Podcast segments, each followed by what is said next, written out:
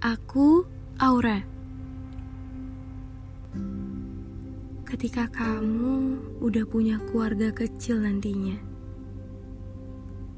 apa sih yang mau kamu katakan ketika salah satu anakmu bertanya alasan kenapa kamu memutuskan untuk menikahi ayah atau ibunya? Maka ketika itu adalah aku, aku akan menjawab begini. Sebelumnya di sini aku mengandaikan namanya adalah Chris Evans. Ini hanya contoh.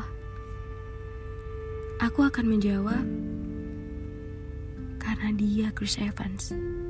And he's the only one in this world for me.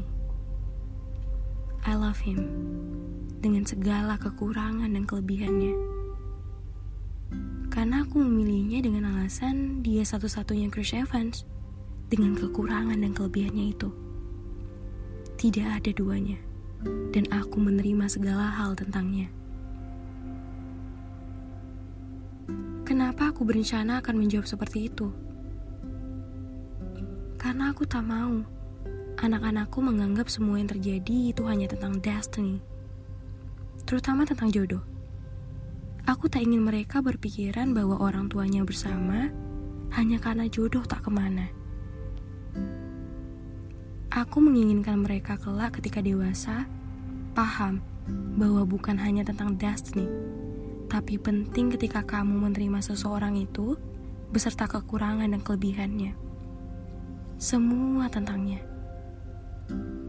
Karena kalau hanya membahas tentang takdir, kamu bisa saja menjadikan alasan itu sebagai alasan ketika kamu bertemu dengan dia yang lainnya. Kamu bisa saja berkata bahwa pertemuan setelah dengan pasanganmu adalah takdir juga. Itu yang tak kuinginkan.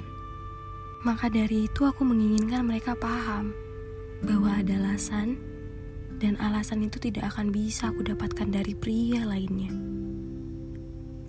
Hanya tentang ayah mereka satu saja sampai akhir.